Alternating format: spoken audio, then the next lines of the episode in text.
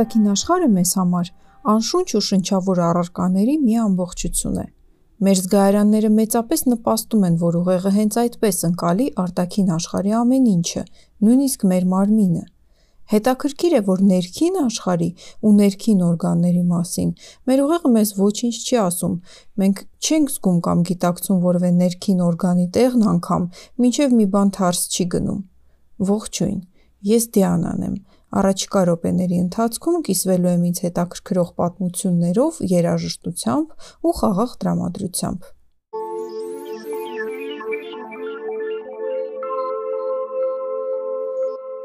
Նեյրոգիտնական Անիլ Սեթն ասում է, որ յուրաքանչյուրիս համար գիտակցությունն այն ամենն է, ինչ կա։ Առանց գիտակցության չկա աշխարհ, չկա ինքնություն, ոչինչ չկա։ Երբ մենք տառապում ենք, գիտակցում ենք տառապանքը, անկախ այն փաստից, այն ֆիզիկական ցավից է, թե հոգեկան ապրումներից։ Հիմա, երբ համակարգիչներն ավելի հզոր, արագ ու խելացի են դառնում, արդյոք մի օր իմ iPhone-ը սեփական գոյությունը գիտակցելու սպառնալիքի տակ կհայտնվի։ Անիուսետն ասում է, որ մոտ ապագայում գիտակցություն ունեցող արհեստական բանականություն չի ստեղծվի, որովհետև իր ուսումնասիրությունները թույլ են տվել եզրակացնել, որ գիտակցությունը մաքուր բանականության ու խելացիության հետ շատ քիչ կապ ունի, այն ավելի շատ փոխկապակցված է մեր բնության՝ ապրող ու շնչող օրգանիզմ լինելու փաստի հետ։ Նա ասում է. «Տառապելու համար խելացի լինել պետք չէ, բայց կենդանի լինելը պարտադիր նախապայման է»։ Մի քանի փորձ իրականացնելով տեսողական, լսողական և այլ զգայական խաբկանքների մեխանիզմը հասկանալու համար, նեյրոգիտնականը եզրակացրել է, որ արտաքին աշխարհը մի մեծ գլուկ է՝ ցնորք մեր ուղեղի համար։ Եթե իրապես ցնորված մարդու ուղեղում առաջացող տեսիլքներն անվերահսկելի ընկալման արգասիք են, այսպես ասած uncontrolled perception, ապա արտաքին աշխարհի վերաբերյալ տվյալ պահին ու տվյալ վայրում ստացվող ընկալումը նույնպես հալյուցինացիա է, ցնորք, գլուկ, պարզապես գիտակցված կառավարելի վերահսկելի գլուկ՝ controlled perception։ Անիլ Սեթը պնդում է, որ մենք միշտ հալյուցինացիաների, հայերեն ասած, զգայախաբկանքների մեջ ենք ապրում և դրանք իրականություն ենք կոչում միայն այն ժամանակ, երբ միևնույն զգայախաբկանքի շուրջ համաձայնության ենք գալիս։ Մեր պատկերացումները յուր անձի, նույնիսկ մարմնի մասին նույնպես այն է, ինչ ուղեղը սովորել է մտապատկերել՝ հիմնվելով զգայարանների վրա։ Եկեք մի փորձ իրականացնենք։ Սեղանին դրեք ձախ ձեռքը, առանձնացրեք այն որևէ միջնորմով, օրինակ ուղղահայաց դրված գրքով, գրքից հետո տեղադրեք Հելլոուիններից մնացած ֆեյք ձախ ձեռք, այնուհետև ձեր աջ ձեռքը։ Երբ գրքի երկու կողմերում գտնվող իրական ու ֆեյք ձախ ձեռքերը փափուկ վրձնով շոյում են, ձեր ուղեղը կամաց-կամաց սովորում է, որ ֆեյք ձեռքն էլ է ձեր մարմնի մի մասը։ Չե՞ք հավատում։ Համացանցում դիտեք այս փորձի շարունակությունը եւ մարդկանց ձեռքերը փախցնելու կայծակնային ռեակցիան, երբ ֆեյք ձեռքի մեջ անսպասելիորեն պատառաքաղ են մխրճում։ Մեր սեփական անհատական ներքին տիեզերքը, գիտակից լինելու մեր եղանակը, գիտակից լինելու հնարավոր տարբերակներից ընդամենը մեկն է։ Եվ նույնիսկ մարդկային գիտակցությունը ընդհանուր առմամբ հնարավոր գիտակցությունների հսկայական տարածքում մի փոքրիկ տարածաշրջան է, ասում է նեյրոգիտնականը։ Մեր անհատականությունը և ներքին աշխարհները եզակի են յուրաքանչյուրիս համար, բայց դրանք բոլորը հիմնված են կենսաբանական մեխանիզմների վրա, որոնք մենք կիսում ենք շատ այլ կենդանի արարածների հետ։ Ժամանակակից գիտությունն այսպես է մոտենում այն հարցին, թե ինչպես ենք մենք հասկանում ինքներս մեզ։ Եվ որքան շատ ենք զգում, որ մի բան հասկանում ենք, այնքան ավելի շատ ենք ուզում իմանալ ու ավելի շատ ենք գիտակցում, որ մենք բնության մի մասն ենք, այլ ոչ դրանից առանձնացված մի բան, նշում է գիտնականը։ Ես կավելացնեի, որքան շատ ենք մտածում, թե մի բան հասկանում ենք, այնքան ավելի անբացատրելի է ամեն ինչ։ Ակվարիում։ Неизъяснимо։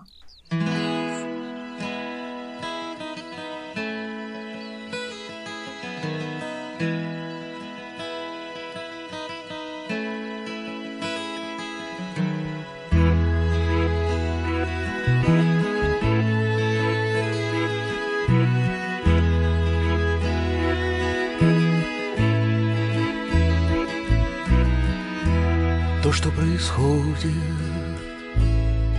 я даже не знаю, я иду в огне. Но я не сгораю, катишься по рельсам, Гасишься и гаснешь, и вдруг это сердце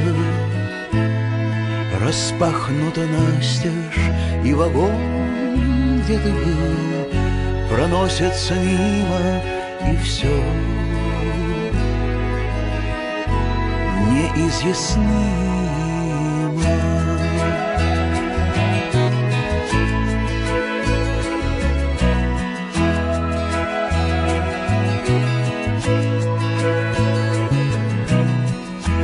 То, что происходит,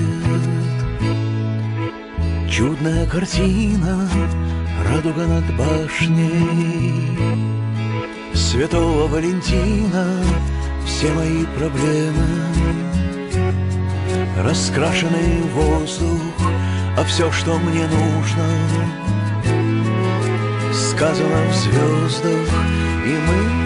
мысли летят Клочьями дыма, и все Неизъяснимо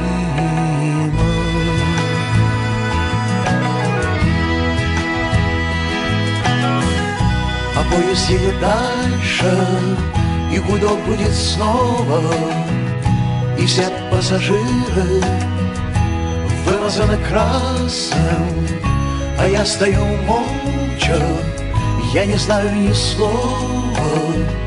Но все, что было смутным Становится ясным. День еще не прожит еще не начат Слова в этих книгах. Так мало что значат Я думал, я умный. Ходил, играл в прятки Я больше не стараюсь. Теперь все в порядке И огонь в глубине. Горит негасимо И все неизъяснимо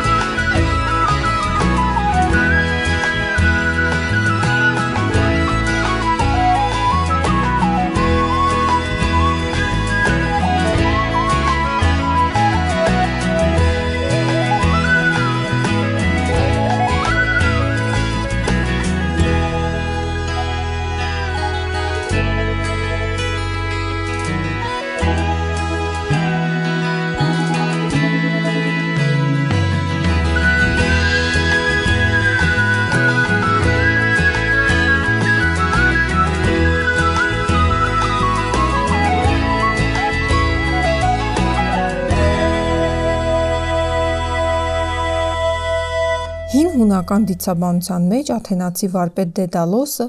նախանձից սպանելով իր աշակերտին փախել է Կրետե, որտեղ Մինոս թագավորի հրամանով Մինոտավրոս հրեշի համար լաբիրինթոս է կառուցել։